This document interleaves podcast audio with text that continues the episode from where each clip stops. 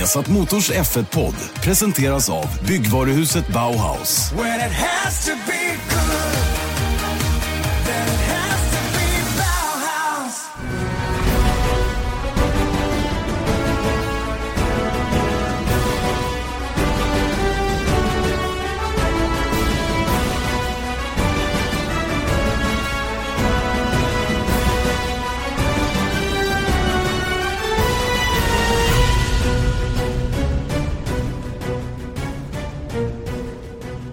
Varmt välkommen till senaste avsnittet av Viasat Motors Formel 1-podd. Janne Blomqvist, Erik Stenborg och varmt är det i allra högsta grad. Har du någonsin varit med om en värre värmebölja än vi har just nu? En bättre värmebölja menar du kanske? Nej, värre. Ja. Nej, jag, det har jag inte varit med Nej, jag tror faktiskt inte det. Det här är ju otroligt. Och att det har varit varmt tidigare i Sverige, det, det är man ju med på. Och, och, och så, va? Men att den har hållit på så länge, det kan jag tycka. Jag tittade nu på prognosen kommande tio dagar. Tio dagars prognoser ska man ta med en väldigt nypa salt. Men ponera att den stämmer så är det alltså 30 grader de kommande tio dagarna. Eller strax därunder. Och det är, rätt, det är, det är anmärkningsvärt för att vara Sverige. Mm. Så är det verkligen. Men, det, men, men det, grejen är att eh, det har varit bra uppvärmning. För jag tror inte det kommer att vara speciellt mycket svalare nere på Hockenheim. Nej, exakt. Det var det jag skulle komma till. Men vad är vädret på Hockenheim? Exakt, och det är typ samma. 28-29 Mm. grader. Och vi kommer att ha ännu lite till när vi kommer till Ungern så småningom. För nu går vi in i en ny sån här intensiv period igen. Nu ska vi ha två race på två veckor. Men ärligt talat, den här veckan har varit så skön att vara hemma. Och, och göra andra saker. Jag behövde verkligen det. Ingen tvekan om det. Så jag behövde verkligen resetta min hjärna från Formel 1 och allt som är runt omkring. Mm. Nej, men det är samma sak här. Vi hade redaktionsmöte i eh, går måndag när vi spelade in det här och eh, alla var nästan lite tagna. Men samtidigt så konstaterade vi att tre race var rätt tufft för oss också. Men nu när det kommer två race till och sen så är det sommaruppehåll. Då liksom alla var så här, men det här är ju hur lugnt som helst. Det är bara två race i rad nu liksom. Så Exakt. det är ganska roligt hur, hur man kan anpassa sig. Ja men det är ju så. Och ehm, eh, det vi ska anpassa oss till den här, den här veckan då, det är ju racevecka igen ska vi säga då. Eh, och det är ju lite kul tycker jag. Tysklands Grand Prix som ehm, inte är det där självklara racet på kalendern. Eh, försvinner till exempel till nästa år. Eh, Kanske. kör, är det inte klart än? bekräftat. Nej, Nej, det är inte bekräftat bekräftat. än. Jag trodde det var det. Eh, och att Miami ersätter. Men eh, det kanske inte är hundraprocentigt eh, bekräftat ännu. Oavsett vad så är det ett fascinerande faktum ändå att tyskarna har så svårt att ta sig till Formel 1-loppen. Mm. Fast fa- faktum är att jag har läst nu att det är utsålt Ja. i helgen. Sen så har ju det ändå implikationer för att det är just det här att det är så dyrt att anordna racen och då handlar det om att få folk till banan men till vilket pris? För man måste ju få break-even på biljettpriserna och vad det kostar. Men det som, eh, har, som jag tror nu har sagts att eh, FOM, alltså F1 Group, ska stå för eh, förlusterna ifall, att, ifall det blir några. Right. Så det är väl kanske därför de har kanske lyckats sänka biljettpriserna så pass så att de kan fylla Hockenheim till bredden Mm. och sen så liksom åtminstone skapa en god stämning där. Det intressanta är vad som är fullsatt på Hockenheim. För det är ju en arena som tar jätte- jättemycket folk. Va? Men, men eh, många delar av läktarna har ju varit avstängda tidigare helgerna vi har varit där. Eh, och jag vet att sista gång, senaste gången vi var där, då var det 58 000 break-even för att gå runt på eventet så att säga. Då. 58 000 åskådare.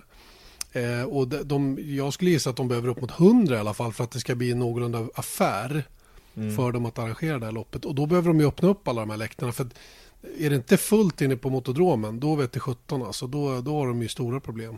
Nej, får får hålla koll på vad utsålt faktiskt är då Mm. i slutet. Men det, det, nu skulle det vara det och jag tror kapaciteten på Hockenheim är 130 000. Ja, exakt. Eh, och jag tror att den eh, killen som heter Max Verstappen bidrar rätt mycket till att det är utsålt den här helgen. Så har det sagts mig i alla fall. Att både Spa och Hockenheim är totalt slutsålda. Mycket tack vare de över 100 000 biljetter som Max Verstappens fanclub har köpt till den här säsongen. Mm. Ja, Imponerande. det är riktigt imponerande. Speciellt med tanke på att det var ju inte så himla fullt som jag kommer ihåg det 2016 när vi sist var på Hockenheim. Och då hade vi eh, Nico Rosberg, Mercedes, Vettel i, i Ferrari. Jag menar, allting borde ju vara guld och gröna skogar i Tyskland, men det är inte det. Nej. Nej, det, är- jag- det, det är svårt om de har blivit mätta genom åren. Det där har vi pratat om i tidigare poddar också. Om, om just Tyskland och fenomenet Tysklands Grand Prix och svårigheten att få det att gå runt. Om det är tyskarna som helt enkelt tycker att det är för dyrt att gå på race. Eh, ta med hela familjen kanske kostar 10 000 kronor och det, det är inte alla som är intresserade av det. Speciellt inte om man kan gå på DTM och få i alla fall om man är breddintresserad få en liknande upplevelse för en bråkdel av pengen. Och, eh, men även DTM har haft svårt att fylla faktiskt arenorna eh, de senaste åren och sjunger ju på sista versen nu som mästerskap betraktat så som det är uppbyggt just nu i alla fall. Och det är för att Mercedes ska dra sig ur efter i år va? Just det, och då står vi där med Honda och, och BMW kvar då. Sen får vi se om, om de ens fortsätter då sett till hur, hur läget utvecklar sig då. Man försöker ju få ett samarbete på viss nivå i alla fall med det japanska Super GT. Men det om DTM, det släpper vi nu tycker jag. Eh, tankar och minnen kring Tysklands Grand Prix. Vad, vad, om du jag säger Tysklands GP, vad, vad liksom kommer snabbt i huvudet? Det som kom nu, Mm. ärligt talat, var Fernando is faster than you. Mm. Och det var faktiskt enda gången jag varit på Hockenheim på Formel 1 var det racet. Så det var ganska spännande att vara där. För jag kommer ihåg att, man, att jag gick in i Ferraris eh, motorrum efteråt när Stefano Domenicali hade presskonferens inne där. Det var ju smetfullt liksom. Och eh, ja, det, det, det var ingen god stämning i Ferrari den gången. Och poängen då var ju att Filippa Massa leder racet och eh, men eh, det här var 2010 va? Jag skulle snabbt kolla det, eh, vilket år det var jag stämmer. 2010. Och eh, ja, i alla fall, Felipe Massa leder och sen så ska eh, hinner Alonso ifatt honom men kör inte om och då ska då det till teamorder. Men poängen var ju att teamorder var ju förbjudet vid det här laget Mm. och på grund av den här incidenten så släppte man ju teamorder till året därpå. Så att från 2011 har det faktiskt varit okej att göra sådär. Ja, och eh, det här blev en jäkla historia. Eh, och det var Rob Smedley som numera är typ av lite chef hos Williams då som var racingingenjör då åt Felipe Massa och fick komma med de här dråpliga orden då supertydligt att Fernando is faster than you. Och eh, till slut så fick de ju skifta ordning då. Eh, vilket idag känns som en ganska naturlig åtgärd i Formel 1. Och det var bara det att det här vart så... I och med att det var förbjudet så lyftes frågan så starkt. Jag vet hur Eje och jag pratade om det här och han sa att det där är en idiotisk regel. Det, det går aldrig att kontrollera teamorder. Varför ska man kontrollera teamorder? Lev med teamorder som ett fenomen inom Formel 1 istället. Det är trots allt två bilar i ett team. Och har den ena bättre förutsättningar än den andra eh, så, så, så måste man agera därefter många gånger. Eh, och det, det här är ju saker som är, det är ju liksom en gråzon till vad man som sportintresserad Formel 1-människa tycker om det. Mm. Hur mycket det påverkar, eller hur? Mm, absolut, och jag menar det, ja, men det, och sen så anpassade man ju sig efter det och då blev det ju, nu är det normaliserat. Exakt. Ingen, jag menar om man tittar på, det har ju hänt flera gånger i, i år. Du, det hände i Öst, alltså- Österrike i Sauber. Ja men exakt, exakt. Så, och det är ju inte liksom, då fick ju det mycket play här i Sverige, men det var ju för att det var en svensk inblandad. Annars, Mm. det var inte många som höjde på ögonbrynen någon annanstans. Eh, Absolut inte. Va? Så att, eh, ja, det, är, det, är, det är konstiga grejer. Faktiskt. Eh, själv, mina tankar och minnen kring Tysklands Grand Prix, de, de går lite längre tillbaka i tiden faktiskt till den gamla banslingan. Den tyckte jag var cool. Eh, den nuvarande banslingan togs väl i bruk 2001 eller om det var 2003. Två. Jag minns inte. Det var tidigt 2000-tal i alla fall när Herman Tilke fick order att modernisera Hockenheim. Och det här blev ju naturligtvis omdiskuterat något, nå alldeles vansinnigt då eftersom man, många tyckte att man förstörde karaktären på Hockenheim. Andra tyckte att eh, gud vad bra, slipper vi se bilarna braka ut i skogen där hur länge som helst och, och eh, bara ta de här chikanerna och sen var det full gas igen. Och jag var lite tudelad själv faktiskt på den tiden för jag tyckte inte att, att sitta och åka rakt fram en Formel 1-bil, det var inte liksom grejen för mig. Men, men jag förstod på senare år att det var ju mycket mer utmanande med tanke på setupen man var tvungen att ha för att vara snabb och sen komma in i motodromen och ha de här svängarna och allt vad det nu är.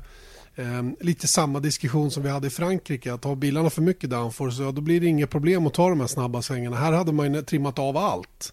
Mm. Och jag minns att David Coulthard gjorde över 370 km i timmen eller någonting sånt där på en av de här långa raksträckorna.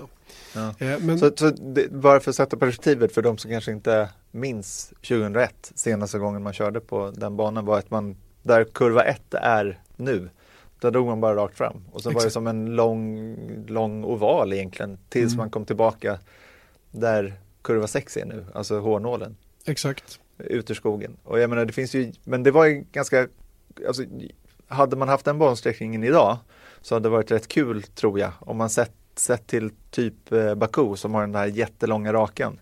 Där är det slipstreaming och eh, allting blir så liksom kompakt. Mm. Så jag tror att det hade funkat väldigt bra idag. Men varför man tog bort den var ju för att eh, det fanns inga, Sorry. nu är det, nu är det Jannes, har du Exakt. fortfarande inte lärt dig? Du har haft den där i flera månader.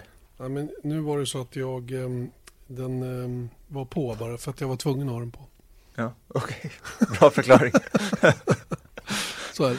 Ja, i alla fall. Men då, dels så drog ju bilarna rakt ut i skogen och där fanns det egentligen inga åskådarplatser. Så att bilarna var ju borta typ en, en minut från Exakt. att någon såg dem. Och det var ju väldigt långt så att det blev eh, svårt att nå dit med eh, accessvägar om någon kraschade där borta. Också bärga undan och allting sånt där. Så, och eh, därför tog man bort det. Och kortade banan väsentligt. Jag tror att den var 6,8 kilometer från början och nu är den 4,5. Mm. ja, jag, jag håller med. Och mitt starkaste minne då från Tysklands Grand Prix och den gamla banslingan är faktiskt från 1999. Kan du minnas vad det skulle kunna vara? Var det... ah, Nej, det var inte Barrichello då. Nope. Nope. Nej, Det var, det nej, men det var så här. Eh, några helger innan, någon helg innan så hade ju Michael Schumacher brutit benet på Silverstone. Mm. och ersattes då av Mika Salo. Och Mika Salo hade ju ett gyllene läge att vinna sitt första race i Formel 1 och göra det som inhoppare i Ferrari. Men, apropå teamorder, helt plötsligt bara var Eddie Irvine framför Mm. och, eh, och eh, fick ta hand om det där. Eh, Mika Salo blev snuvad på segern kort och gott. Kort och, gott och eh, det var ju av exakt samma anledning då. Eddie Irvine som faktiskt var med och körde om VM ända fram till sista helgen i Japan. Då i och med att Schumacher var, var skadad då fram till Malaysias Grand Prix i slutet på året där. Så att det var ju eh, väldigt, väldigt speciellt. Ehm, eh, och eh, någonting som jag kommer ihåg väldigt starkt. Jag tyckte det var så himla fränt att Mika Salo körde för Ferrari för det var, det var, det var, det var otänkbart på något sätt. Men han Mm. Men- fick det där jobbet. Han var väl utan styrning då och jag tror att som storyn går i alla fall, eller som storyn jag har hört var att han var på Han hade precis gift sig och de skulle åka på bröllopsresa men då fick han samtalet från Ferrari och säger så här eh, Kan du komma ner? Och han avbryter allting så att hans bröllopsresa blev tre race med Ferrari eller vad det nu var. Mm. Ja, det kanske var fler, fem. Ehm, så att han åkte på bröllopsresa i slutet av säsongen istället. Just det. Ja, men det var lite coolt. Tänk vilken chans han ändå fick i ett sånt team med de resurserna på den tiden. För jag är Mm. ganska säker på att Schumacher hade haft otroligt stora möjligheter att vinna VM det året eh, om han hade kört klart, så att säga, om han inte hade blivit skadad. Och, eh, och då fick eh, Salo då hoppa in och göra där, de här racen då för, för, eh, för Ferrari då under eh, ett antal, jag se hur många race det var. Han körde, körde han, han körde upp 10 poäng. Mm. Eh, och eh, nej, det, var, det var fascinerande faktiskt. Och, och som sagt, på den tiden var det otänkbart på något sätt. En blå hjälm, lj- ljusblå hjälm i en röd Ferrari. Ja. Och jag minns liksom hur han körde också, att han var nästan besatt.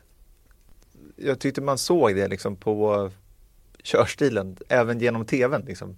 Att, att det var han, var han var laddad om man säger så under den tiden. Minst sagt. Nåväl, det om detta. Vad kan vi säga om årets upplaga av Tysklands Grand Prix? Då? Det, det, jag tror inte att det... Det kommer inte avvika speciellt mycket från det vi har sett så här långt. Självklart är det ju Ferrari och Mercedes eh, tillsammans med Red Bull då, som, som kommer att dominera den här helgen också. Va? Det intressanta är hur närmare Red Bull kan vara täten nu när det inte är en motorbana på samma sätt. Vi kommer att ha höga temperaturer. Vi kör ju lite speciella gummiblandningar får man ändå säga med medium soft och ultra soft. Det vill säga det är ett hopp mellan mellersta gummiblandningen och den mjukaste. Eh, och eh, jag tror att det här är lite fördel Ferrari faktiskt sett till eh, hur, hur deras däcksekonomi ser ut jämfört med Mercedes. Ja, och speciellt de här höga temperaturerna och det faktum som vi pratade om i förra veckan att de har nog snabbaste bilen. Oavsett vad. Eh, ja, eh, det är touch and go med Mercedes tror jag fortfarande. Jag tror inte att det är eh, sådär bara rakt fram säga att Ferrari har den snabbaste. I vissa konfigurationer har de det absolut, va? Men, men det är väldigt, väldigt tajt tror jag.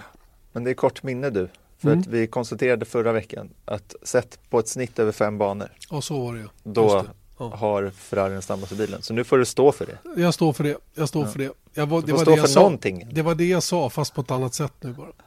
Okej, då så. Eh, så att det, därvid lag tror jag inte att det kommer att bli några stora förändringar. Eh, utan det blir en stenhård fight längst fram. Men jag har stark förhoppning om att Red Bull är med och eh, retas lite. På ett annat sätt på den här banan än vad man inte hade möjlighet att göra på Silverstone. Mm. Absolut, man får verkligen hoppas det och jag hoppas att Renault-motorn räcker till. Men du, har inte Daniel Ricciardo eh, sagt sig ta ett taktiskt motorbyte eh, i samband med Tysklands Grand Prix, vilket då eh, går, det talar emot att han skulle ha några större chanser att på riktigt allvar kunna vara med och slåss om det. Jag, jag har för mig att eh, det är sagt så att han, han, ehm, han behöver lite nya delar då. Han börjar ju få ont om det då med alla haverier som han har haft hittills och eh, Tysklands Grand Prix, upp, uppenbarligen så bedömer man det som ett race där han ändå kan plocka tillbaka det man tappar på en sån här bestraffning enklare än på andra ställen. Typ Mm. spa eller vad det vad som nu kommer framöver.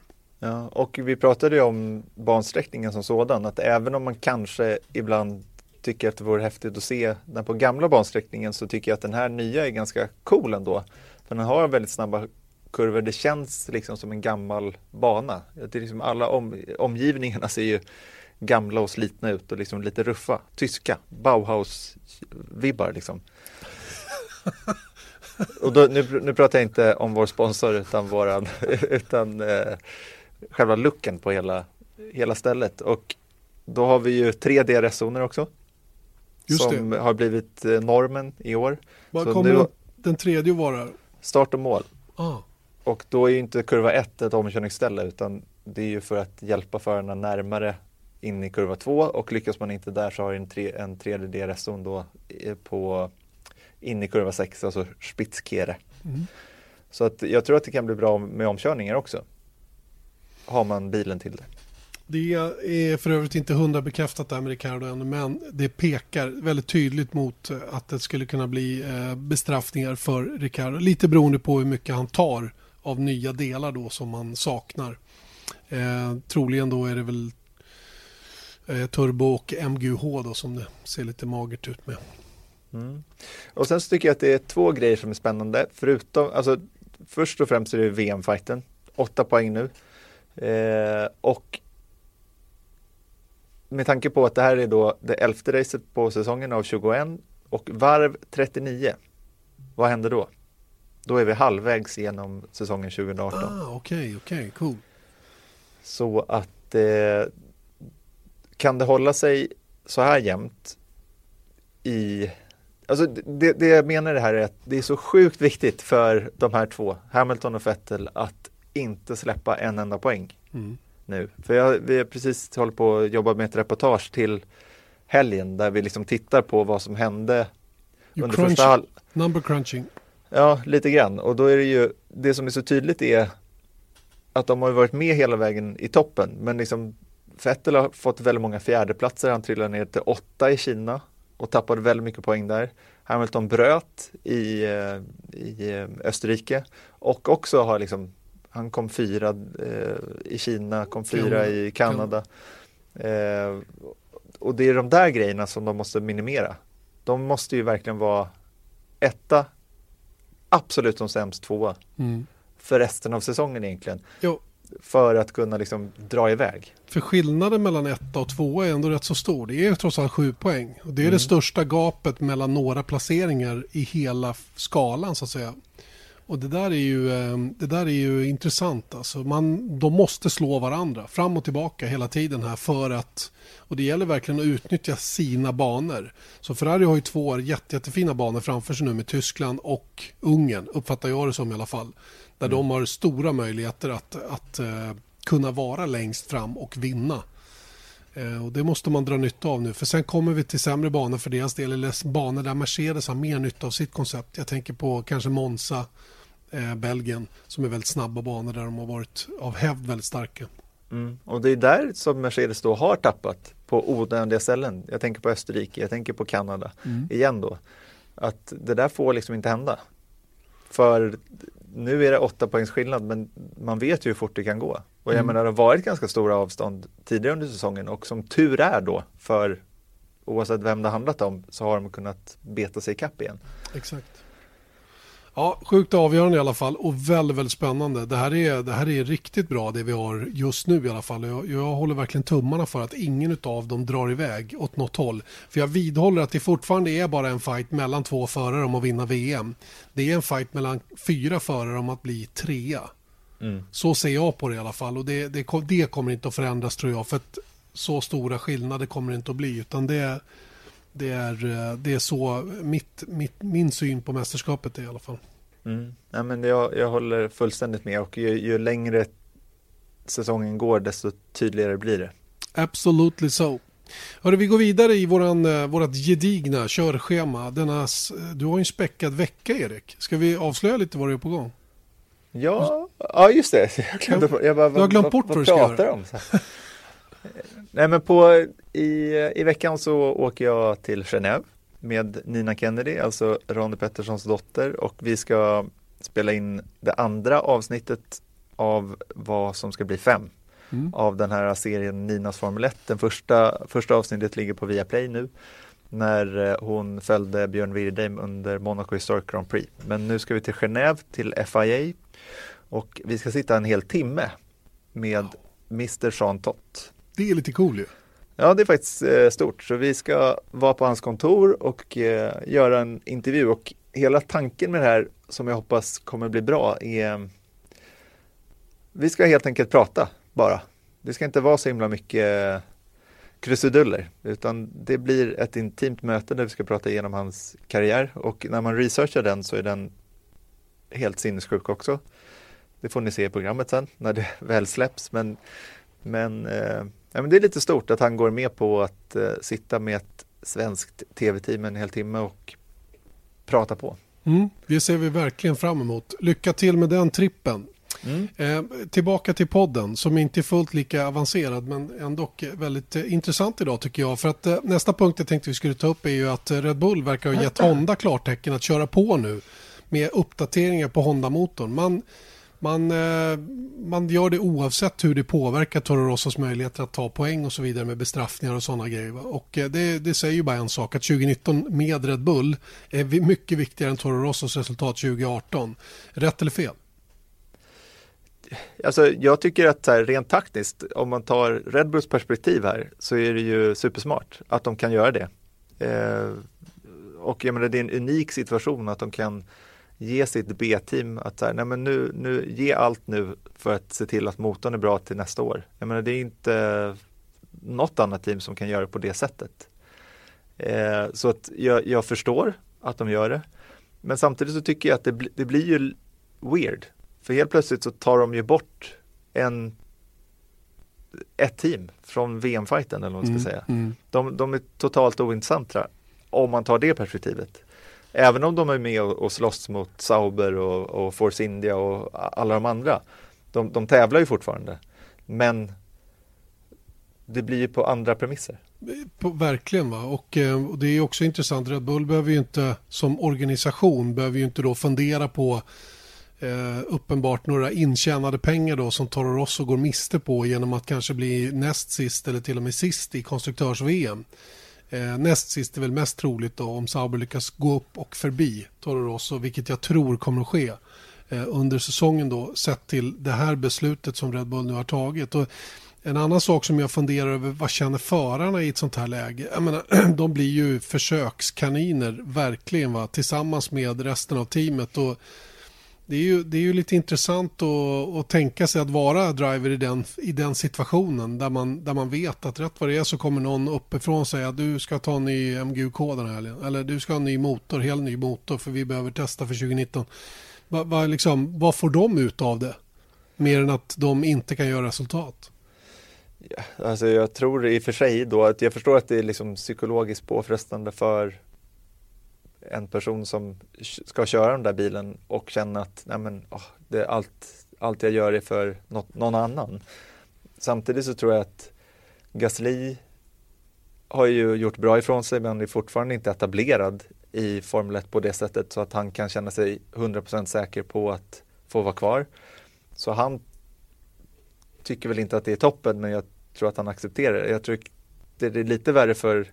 Hartley. Mm. För att på något sätt så har ju han med egen förskyllan i mångt och mycket i och för sig inte riktigt kunnat visa framfötterna under året. Så att han sitter ju bara av den här tiden tror jag. För att med, med det här läget då med eh, massa, ja men de är testpiloter, Ja. då är det ju liksom det blir ju mycket svårare. De tar ju bort eh, chanser från honom. Vi- Kan man gissa i alla fall. Vi kanske ska sätta det lite i perspektiv bara. Det låter ju som att de kommer att ösa in motorer varje helg och så kommer Ja. det självklart inte att bli. För så snabbt får man inte fram grejer. Men man utökar ju Hondas möjlighet att ändå prova i, i skarpt så att säga. Eh, grejer som man kan ha nytta av då inför 2019. Då. Och Det här är ju väldigt, väldigt viktigt för Honda givetvis som nu vill verkligen lyckas i Formel 1. Och man har ju tagit stora kliv men man är fortfarande en bit efter på vissa områden när det gäller motorerna. Och det är klart att Ehm, som du säger då. Men, men Eje brukar säga någonting klokt. Han säger så här, eh, okej, vill man inte köra Formel 1 så kan man ju alltid göra någonting annat. Mm. Och det är väl, det, ja men lite så är det ju faktiskt när det gäller förarsituationen va. Men vi, du och jag är ju sportsligt intresserade av Formel 1. Och kan ju tycka att det blir lite, ja det känns lite skevt i alla fall att, att man tar ett, tar ett sånt här beslut. Samtidigt som det är det klokaste de kan göra. Ja, men det är det som är det konstiga i det, är att man tänker ju sig rent romantiskt på Formel 1 att det är tio team, de gör allt för att vara snabbast eller maximera det de har. Men det blir ju konstigt då när två team sitter ihop. Båda är Red Bull och jag tänker liksom mer då att det pratas ju mycket om det, om samarbeten mellan team. Och vi har pratat om kundbilar och vi pratade om, eh, om allt möjligt. Och då helt plötsligt så blir det ju en situation där kanske, säg att ah, Red Bull och, eller Mercedes och Ferrari också har ett regelrätt eh, juniorteam eller B-team. Mm. Ja men helt plötsligt så är det ju faktiskt, de tar ju bort sex bilar då som inte tävlar. Mm. För de ska underhjälpa det där i toppen. Och vi pratade om olika divisioner sett till hur snabba de här toppteamen är gentemot eh, resterande fältet. Och då, då är ju helt plötsligt, då handlar allt om de här sex bilarna i toppen. Ingenting i mittfältet. Exakt. Om det här eskalerar. Exakt, va? och vad hamnar då team som Williams? Jag, jag tänkte på det när jag- jag stod framför Claire Williams senast, hur hon beskriver hur de sliter och kämpar med att existera överhuvudtaget va? Och, och hela den grejen. Samma med Force India och i viss mån också Sauber då, även om läget ser betydligt bättre ut där just nu. Så är det ju ändå en otroligt tuff situation. Jag vet inte i det avseendet, precis som du är inne på här, vad, vad händer med mittfält, vad händer med resten av fältet om man polariserar så starkt kring tre stora tillverkare, då, om vi ponerar att det är det, så, så, så blir det liksom, eh, det, det, det blir inte bra för sporten totalt sett tror jag om, om, om det skulle bli fler situationer som denna. Där Red Bull kan, kan använda sig av åtminstone två bilar för att hjälpa de andra två eh, på vilka, vilka områden man än väljer att göra det på. Det var ju en period när vi hade Supra Aguri som, som mer eller mindre körde en fjolårsbil från Honda. Vi hade ju Toro Rosso som hade samma bil. Det var ju samma ritning i stort sett som Red Bull under en period. Nu förbjöd man det och sa att det här är inte okej. Vi måste ha, man måste ha liksom den in, intellektuella rätten till, till, till ritningarna i respektive team. Vilket gjorde då att man var tvungen att sära på organisationerna tydligare. Men vi håller på att glida tillbaka in i det där igen. Speciellt om vi tittar till Haas-lösningen då som köper allt man kan ifrån Ferrari. Sen eh, jobbar man tajt med Ferrari i vindtunnel, man använder sig av en italiensk eh, bilbyggare och så vidare. Va? Det blir väldigt mycket Ferrari där också. Eh, Sauber köper också en hel del av eh, sin know-how ifrån Ferrari då, även om de fortfarande producerar allt det de behöver till bilen själva. Ja, och det är ju det som eh, Williams gör också då, som Mm. folk har ifrågasatt dem för att de väljer att bygga allting själv. Mm. Speciellt med tanke på hur det går i år. Men samtidigt så tyckte jag det var intressant det som Dieter Renken sa för, var det för, förra eller förra, podden tror jag. Då pratade han om att ja men det som Williams åtminstone har är tillgångar i Mm. form av sin egen tillverkning och sina egna faciliteter. Haas har egentligen ingenting. Nej. De har en plats på griden, de har bilar, men de har, liksom, bilarna byggs inte ens ihop av Haas, liksom, på, förutom under off-season, utan de görs av Dalara, skickas till banan, då kommer alla delarna dit och sätter de på dem på banan. Mm. Så att det, det, Ja, det är ju skillnad. konstigt. Det är stor Och- skillnad. Ja, och sen så pratar vi om cost caps mycket de senaste åren. Att det ska bli någon budgetbegränsning då för att jämna till eh, förutsättningarna helt enkelt genom hela fältet. Men om man går då på, på hur det ser ut för Red Bull nu, då har ju de superfördel om det skulle träda i kraft.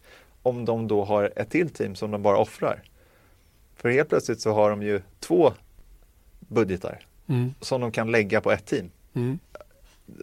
så- såklart Ja, ja. inte helt straightforward. Nej, men jag. Men, men om de har eh, Toro Rosso som testkaniner, heter det det? Ja, testkaniner. försökskaniner. Försö, försökskaniner heter det. Eh, och sen så liksom, det som funkar där så stoppar de på, på sin egna bil då. Då har de två budgetar att jobba med. Mm. Mm. Nej, men jag och då måste de andra teamen följa efter. Och det är ju, det är ju sådana här diskussioner som hela tiden försvårar Formel 1 liksom, rullning framåt, utvecklingen. För att det dyker upp, det ploppar upp situationer som man inte riktigt har förutsett. Va? Och, och då glider vi lite sakta in på någonting som faktiskt har lyfts också inför regelverket som ska tas i bruk efter 2020, nämligen det som har kommit från Pat Simmons som nu jobbar i det här eh, regelverksteamet som, eh, som Ross Braun har under sig. Eh, För detta teknisk direktör då i Benetton, i Williams, Renault, Pat Simmons, oerhört kunnig. Eh, Han säger att frågan om enbils respektive trebilsteam har kommit upp under de här diskussionerna för det nya regelverket efter 2020. Och det kan man ju också undra om det är bra eller dåligt. Han menar själv att det här med trebilsteam kanske inte kommer att tas, eh, mottas så positivt hos många av teamen då som menar att eh, vad, vad kallas det, balansen, eh, ja, powerbalansen då så att säga inom organisationen skulle bli lite ojämn och det där är man ju livrädda för i Formel 1 rent allmänt att tappa sin, sin röst så att säga. Va? Ja, Jag, jag vet inte, det är så otroligt svårt att, att eh, förutse vad som skulle hända om man införde tre, att möjligheten till trebilsteam. Eller att starta med bara en bil, Ja, vilket också exakt. diskuterats. Då. Mm. Mm. Men det är liksom också, det, jag, jag vet inte. Jag, jag tycker det man har lärt sig av Formel 1 genom åren, eller det jag har lärt mig, är att du kan inte ta ett beslut utan att det kommer tre andra som kommer påverka lika mycket så att det blir status quo i minsta fall. Nej. Och på något sätt så måste de ju liksom Jag tror hårt på det som det ändå har nämnts lite om att F1 Group och FIA måste vara överens om det här tror vi på. Det här regelverket ska vi gå på. Så här ska pengarna fördelas. Det här är maxbudgeten, bla bla bla bla bla bla bla bla. Allt vad det nu är som det innehåller, men det är hela Formel 1. Mm. Och så säger man det till 2021. Det här är det vi ska tävla på. Skriv på, var med till 100% eller var inte med alls. Mm. För att det är just de här luddiga grejerna som gör att det blir problematiskt. Och Svårjobbat. då måste, de, och då måste de ta ett sånt här samarbete mellan Red Bull och Toro Rosso i beaktning. Samarbeten mellan eh, Mercedes om de köper Force India. De måste ta sånt i beaktning också för att det teamen kommer försöka göra är att kringgå det här Mm. för att få fördelar. Exakt. Exakt. Ja, intressant. intressant. Det ska bli spännande att se om, om den där diskussionen rullar vidare. Jag tror att den kommer att dö i sin linda faktiskt. Men trebilsteam var ju någonting som Bernie Ecclestone lyfte upp för han behövde ju fylla griden. Och, och det är ju det som syftet är då med att kanske tillåta enbilsteam. Det skulle jag kunna tänka mig i en gångbar väg. Men att, att, att stor Merca, Ferrari och de här kör tre bilar. Mm. Kän- Känns mindre sannolikt. Mindre Ja. sannolikt. Med enbilsteam hade varit bra, alltså om man tittar på MotoGP, att de har olika liksom, nivåer som man tävlar på, så får man lite lättnader då. Och jag vet inte om det skulle funka i Formel 1 på sättet det gör i MotoGP, för där funkar det ju bra. Men Vi har ju pratat det- om det tidigare och, och eh, jag vet inte om jag ska stå fast vid någonting som jag tycker. Jag är fortfarande, jag tycker det kunde funka med två mästerskap. Men det, du var inte riktigt inne på den linjen att man Mm. nej, skulle... och då var du överens med mig ja, över jo. att det inte skulle funka. Nej, men jag vet inte. Jag, jag tror ändå att eh, vi, det, det är ju också en sån här diskussion som har pågått nu hur mycket poäng som ska delas ut för att öka incitamentet över hela griden och sådana saker. Va? Och det, allt, det är ju, då, då är vi tillbaka till det, det du nu sa. Att varje beslut man tar skapar tre andra. Mm. Och det är det som är så problematiskt. Så att det, vi, får, vi får helt enkelt eh, acceptera att vi inte är tillräckligt med i matchen här för att kunna, kunna hjälpa dem på traven riktigt. Nej, men däremot det jag skulle säga då var att man kanske skulle kunna få, kommer en biltillverkare in eller ett, ett privatteam eller vilka som helst som skulle vilja tävla i Formel 1. Att då får man två, de två första åren får man göra en HAS-lösning Mm. för att komma igång Mm. och köra med en bil. Men efter två år så måste du ställa upp med två bilar Ja, och, och tävla på samma premisser. och bygga dem själv. Mm. Ja, eller hur man nu gör. All right, bra slutord för den diskussionen tycker jag. Och eh, vi glider lite vidare här och eh, kommer in på någonting som är väldigt intressant också då. När man läser att Mark Webber tycker att accessen till förarna kanske har blivit lite för stor. Mm. Eh, Han menar inte bara, eh, eller han menar bland annat då sociala medier där förarna är väldigt utåtriktade numera då oavsett vilket man väljer. Eh, fansen vill ju ha tillgång till förarna också. Det finns fanzone och det är autografskrivningar och allt sånt. Och Formel 1 har genom åren fått mycket kritik för att man har distanserat sig till fansen när det gäller förarna. Och vi har ju beskrivit det tidigare att för 15 år sedan då såg man inte förarna även om man var inne i paddock. Mm. Så det är ju absolut inte fallet längre. Va? Eh, och Mark Webbers eh, så att säga, synpunkt på det här då, att man kanske skulle tappa lite grann attraktionsvärdet hos förarna då, att man skulle blasera vad de gör på ett sätt som inte är nyttigt. Och, ehm, det här är ju eh, lite intressant med tanke på att vi jagar intervjuer med förare varje helg och det är inte alls så lätt att få att, eh, tillgång till dem så att säga. Då. Nej, men samtidigt då, det- han tar väl väck som exempel. Bland Publi- annat jag. Bland ja, annat pu- publik access och sånt där. Och jag har varit på ett vecklopp på Nybering och då får man ju bara gå runt. Alltså du kommer in, du kan ju titta in i Porsches garage liksom ut från paddocksidan.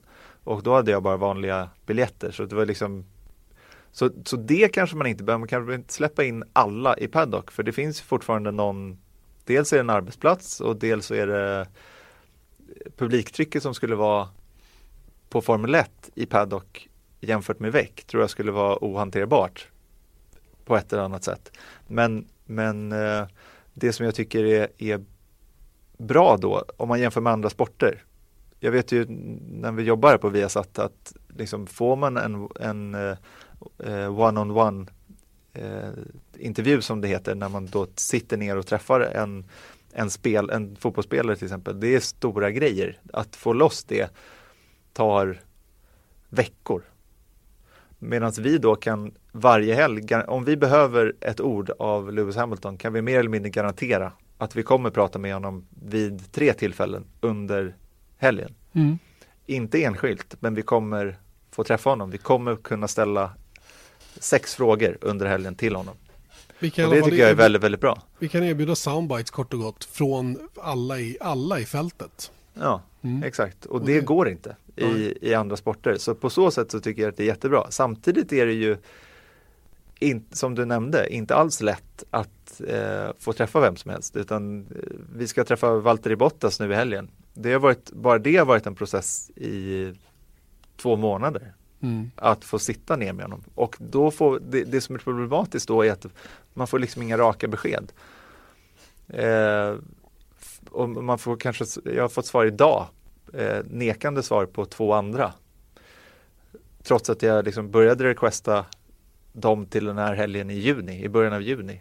Eh, och då, då är helt plötsligt, för man kan inte requesta hur mycket som helst, för då, då måste jag boka av intervjuer och det gillar inte pressgänget. Så jag måste liksom lägga mina kort, alla mina kort i en korg. Eh, och när det inte går vägen, då, då blir det lite kämpigt. Men tillbaka till frågan så tycker jag att accessen som finns idag med, för publik på banorna, att de faktiskt kan gå till fans om de har autografskrivningar, de kan gå på en paddock walk eller en pitlane walk och då kommer ju ofta förarna ut och får se det på nära håll. Det tycker jag, jag ser inte något som helst problem med det. Inte jag heller. Jag tycker det är en ganska lagom nivå just nu och det finns saker som Formel 1 skulle kunna göra ännu bättre när det gäller fans, fansens access till förarna. Det har vi också varit inne på tidigare. Man skulle kunna ha små event i städerna där man kör på torsdag kväll, fredag kväll där förarna presenterar några av dem, inte allihopa. Och, och några ska inte kunna glida undan hela tiden, vilket ofta sker. Eh, Det är ju lättare att få tag i, och det är ju ingen hemlighet heller, att det är lättare att få tag i förare längre ner på griden än längre upp. Eh, Ju, ju bättre de är så att säga, desto svårare är det ju. Eh, Så att jag håller verkligen med om att accessen inte är för stor till förarna. Va? Mark Webber säger att eh, du måste vara försiktig. Eh, För förarna måste fortfarande vara hjältar och någonting som är lite svårt att nå och få känna på så att säga. Va? Och det, visst, det, det finns en poäng med det resonemanget också. Va? Men, men samtidigt har det inte gått för långt ännu kan jag tycka i alla fall. Nej, inte, på, inte någonstans tycker jag. Nej, nej. Och på samma tema egentligen då. Vi, vi har pratat Charles Leclerc, vi gjorde det senast i podden. Vi, vi, vi nämner att han fortsätter att hyllas både till höger och vänster. Och här har ju verkligen Ferrari lyckats hundraprocentigt med sitt varumärkesbyggande av deras nästa stjärna. Det, är, det, det är jätteintressant att följa hela här, den här processen när man är så nära som, som vi är. Och, och förstår kanske lite mer än många andra vad som pågår bakom kulisserna. Och då, då är det jätte, jättespännande att se hur de har jobbat så målinriktat för att Charles Leclerc ska anses vara den här stjärnan som han är. Vilket han självklart också bidrar med i sitt sätt att köra och resultaten han presterar. Det är ju helt magiskt egentligen vilken, vilken utstakad väg och hur, hur väl de har hållit sig på den här vägen fram till dags dato. Idag är det ju ingen som ifrågasätter överhuvudtaget att man plockar in Charles Leclerc istället för Kimi Räikkönen i Ferrari till 2019. När det nu blir konfirmerat eller bekräftat. Eller till och med i år. Ja, eller till och med i år, vilket är en mi- mindre chans. Va? Men, men, men låt säga att det händer då till 2019 så är det ju som, det har funkat perfekt. va. Och, och eh, vi, fick ju också bekräftat där för någon vecka sedan att, att nu börjar Ferrari att säga stopp till intervjuer. Eller hans management och via Ferrari säger stopp. För det är en policy Ferrari har då att göra sina förare mindre tillgängliga då för att höja så att säga värdet på dem då. Och eh, ja, lyfta upp dem på piedestalen lite tydligare. Ja, det, och det, jag tror att jag nämnde det förra, förra veckan att vi har haft åtminstone två stycken satta datum med Mm. honom. Mm. Det är ju normalt sett på torsdagen inför helgen som man, som man har, då, då är det mediadag och då har vi haft tid och plats eh, klart och sen så har det på väldigt kort varsel bokats av då och säger så här, ja men vi får titta på och då nämner inte Sauber och egentligen då Leclercs ma- management säger ju ingen okej när kan vi förvänta honom förvänta oss nästa gång då? Mm. Mm. Är det till Hockenheim? Är det till Budapest? Nej men det, det får man se bara. Mm. Det hänger i luften. Ja. Och det betyder, Vilket egentligen är att du, ni får honom inte. Nej, de stålar ju bara. Och, Ja. de vill, och de är ju... Det här är ju... Ja, det är väl en blandning av Sauber och Ferrari och, och, och Leclercs management så att säga. Som är Nicolas Tott för övrigt då. Som är starkt eh, ja, involverad i mycket. Eh, och det är väl en, eh, det är väl det är en svår situation också för Saubers pressgäng. På något sätt beroende på vad det står i förarkontraktet och sådana saker. Va? Det är väl som du sa, det kanske finns ett antal stipulerade dagar eller tillfällen som man måste ställa upp och då vill man kanske inte ödsla alla dem på, på svensk tv. Nej, Nej och alltså att vara svensk tv med en förhållandevis liten marknad det är ingen det är inte positivt. Jag tror inte att eh. Channel 4, nej men jag tror inte Channel 4 har samma problem som vi har såklart. Men Nej, eh, verkligen. samtidigt så det har skett något skifte till i år tycker jag för att det har varit svårare att få till det här än, Mm. än tidigare år. Mm. Men det har ju skett också mycket saker om vi pratar Sauber generellt. Ja, ja Mm. men då pratar jag över- sett Ja, över hela griden. he- Hela griden. Ja, Mm. och det som jag tror är en stor anledning till det är att Formel 1 själva suger upp väldigt mycket, för det har jag pratat med andra eh, producenter från andra länder eh, som är på plats mycket mer än vad jag är, är att Formel 1 suger upp medietid själva till sina sociala mediekanaler och eh, hemsidor och eh, till sina egna F1 TV Pro sändningar Just gissar det. jag. Just det. Så är Så-. Ja, så det- det är sant. Ja, så det är konstigt faktiskt. Och helt plötsligt så, så är det det här läget där man som rättighetsinnehavare är lite konkurrent till Formel 1 eh, själva. Mm. Och apropå konkurrenter, de har ju startat en egen podcast, Formel 1, och hade ju Lewis Hamilton i första avsnittet och Robert Kubica i det andra. Kubica som där då medgav att han hade signat för Ferrari, vilket egentligen har varit Alla har vetat det egentligen hela tiden.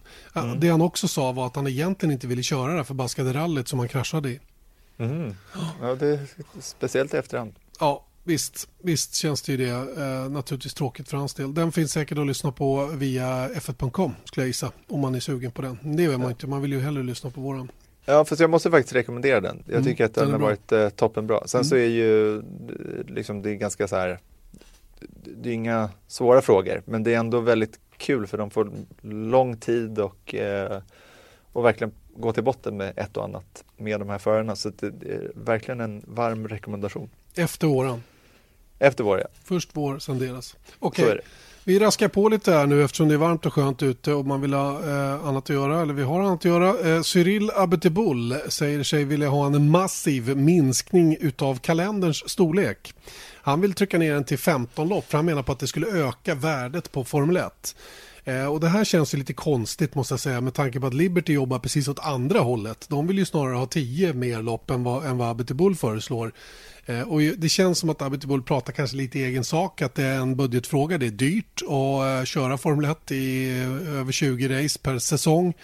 Eh, och det sliter på personalen och man måste kanske ha en, en, eh, en rotation, en en tredjedel extra personal så att säga, som man kan rotera med då, för att alla ska orka. Och det kan jag verkligen förstå. Eh, hur, vad, vad tänker du kring, eh, kring ett sånt här eh, utspel, om vi ska kalla det det då?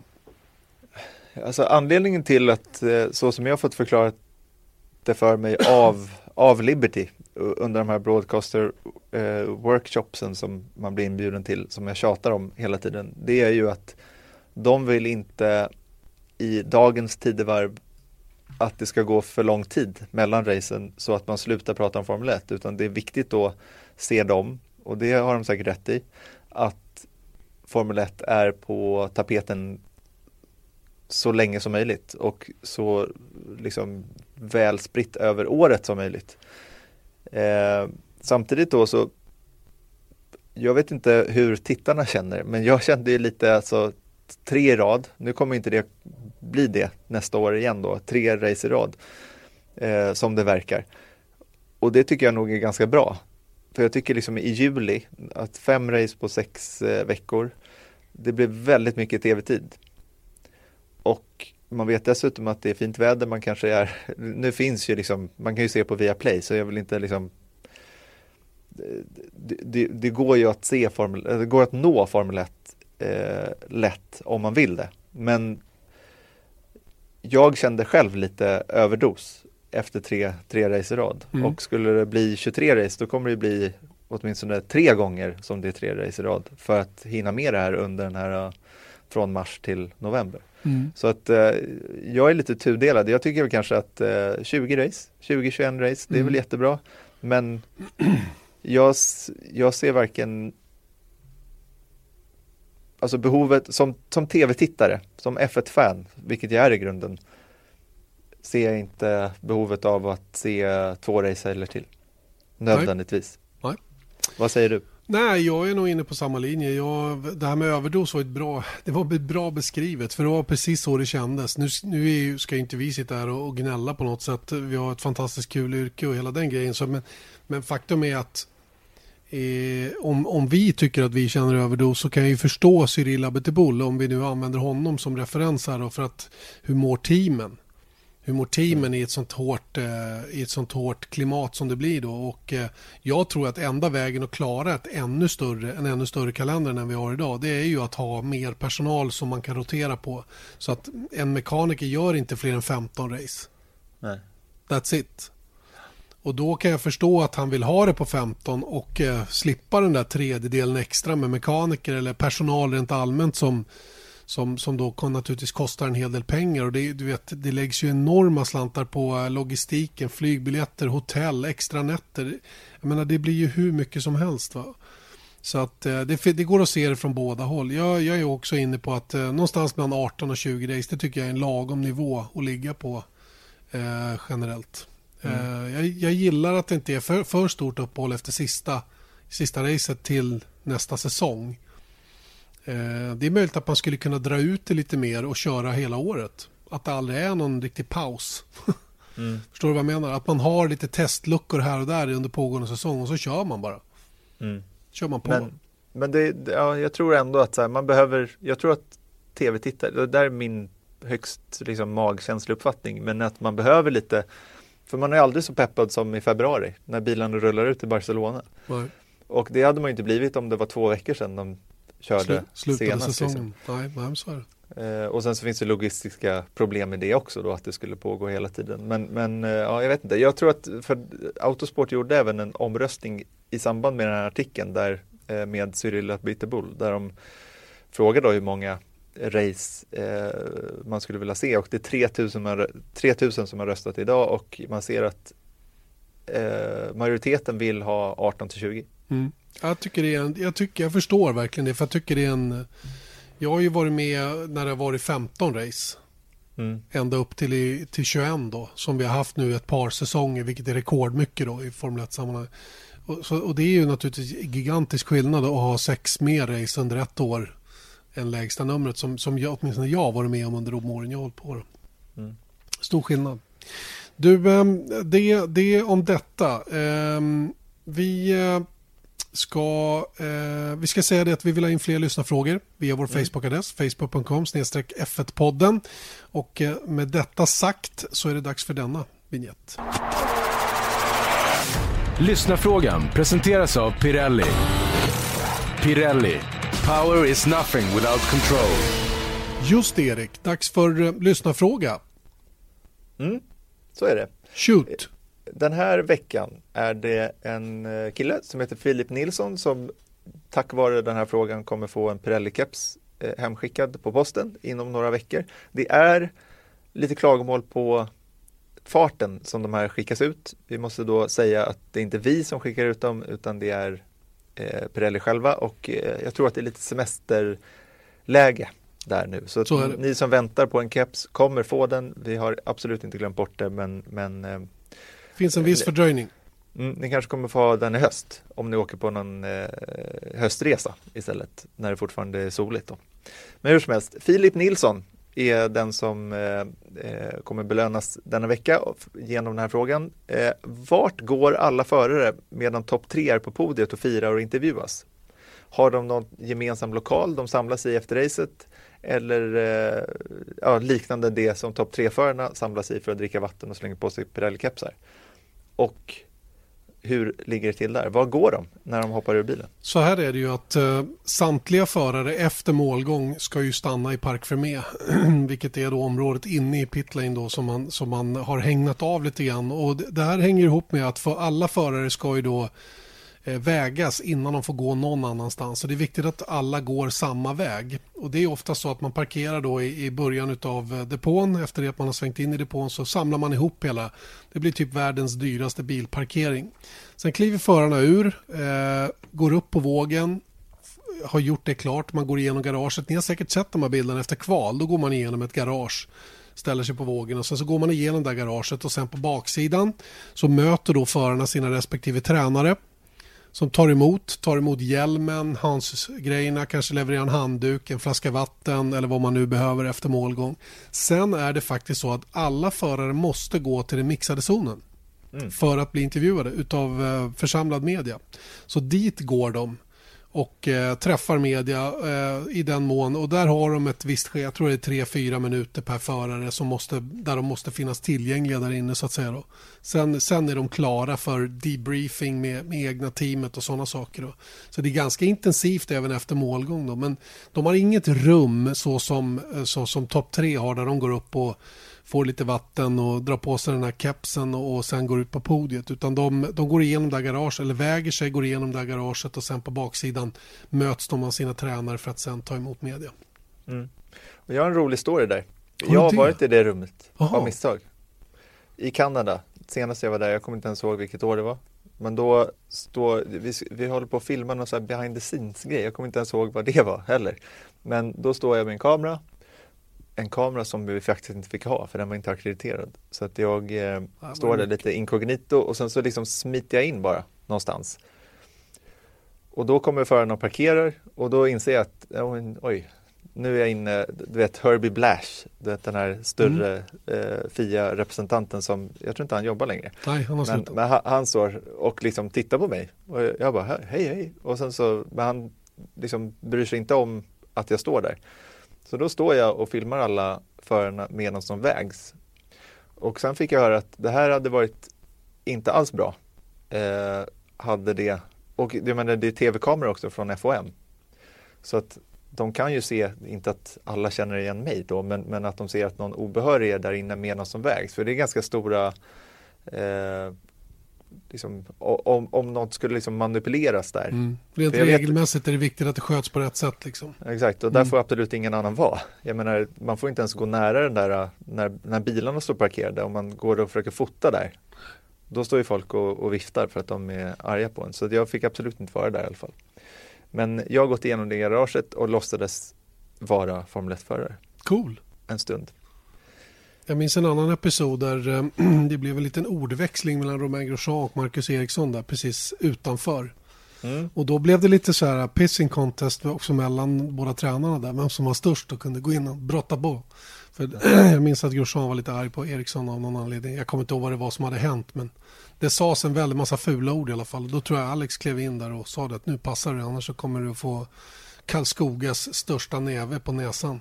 Oj då. Typ ja, så. Ja. Och det var kanske därför han bad om ursäkt efteråt. Ja, det tror jag. Det tror jag. Ja. Han blev jätterädd. Det är bra det. Exakt. Du, innan vi rundar. Eh, vad har vi att förvänta oss i våra sändningar i helgen? Ja, jag har ju fått lite, vi får väl se. Nej men vi, eh, vi eh, sänder ju, såklart så kommer eh, alla sändningstider upp på, det ligger redan nu på Viasat Motors Instagram och Facebook-sida och även på F1-podden. Eh, och så det kan ni se när ni ska titta i alla fall. Eh, vi kommer ju träffa Valtteri Bottas exklusivt och eh, jag pratar om en grej med Force India nu också, så vi får se. Om, om ni inte ser Force India i helgen så förstår ni varför. Då har Erik fått nej. Du har fått nej igen och eh, ja, men vi kommer titta på, på um, mästerskapsfighten såklart. Ja, du pratade om number crunching här. Ni har tittat på siffrorna så här långt och, och vad som krävs inför andra halvan. Ja men snarare hur mycket det har pendlat. Mm. För det har varit liksom en poängs ledning där, 14 poängs nästa, en poäng igen. Och sen så det har varit så nära hela tiden så det är väl det vi går igenom. Mm. Och vi tar en närmare titt på banan, självklart. Bra, då vet vi det. Och vi startar fredag eftermiddag klockan 10.55.